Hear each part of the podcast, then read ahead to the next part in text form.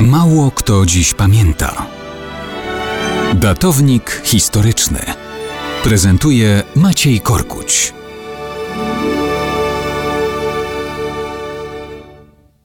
Czy opłaca się być wspaniałomyślnym zwycięzcą? Cóż, wspaniałomyślność tak czy siak jest cnotą. I mało kto dziś pamięta, że choć bitwa pod Grunwaldem była krwawą jadką krzyżaków, to były to czasy w pełnym tego słowa znaczeniu rycerskie.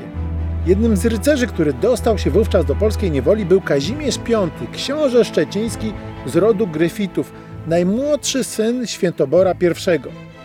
On dowodził pomorskim rycerstwem pod Grunwaldem po stronie krzyżaków i razem z krzyżakami znalazł się po stronie przegranych.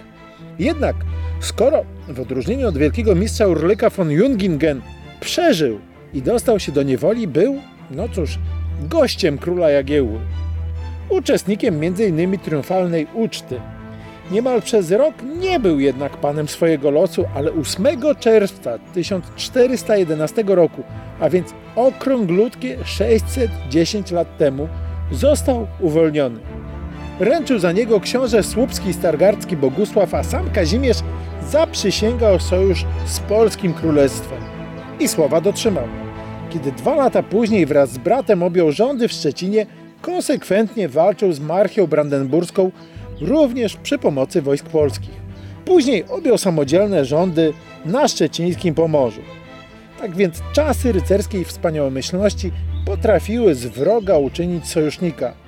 A pamiątką po wojach Kazimierza V spod Grunwaldu są rysunki sztandarów rycerstwa pomorskiego utrwalone przez Długosza w Banderia Protenorum, które stały się podstawą dla dzisiejszego herbu województwa ze stolicą w Szczecinie.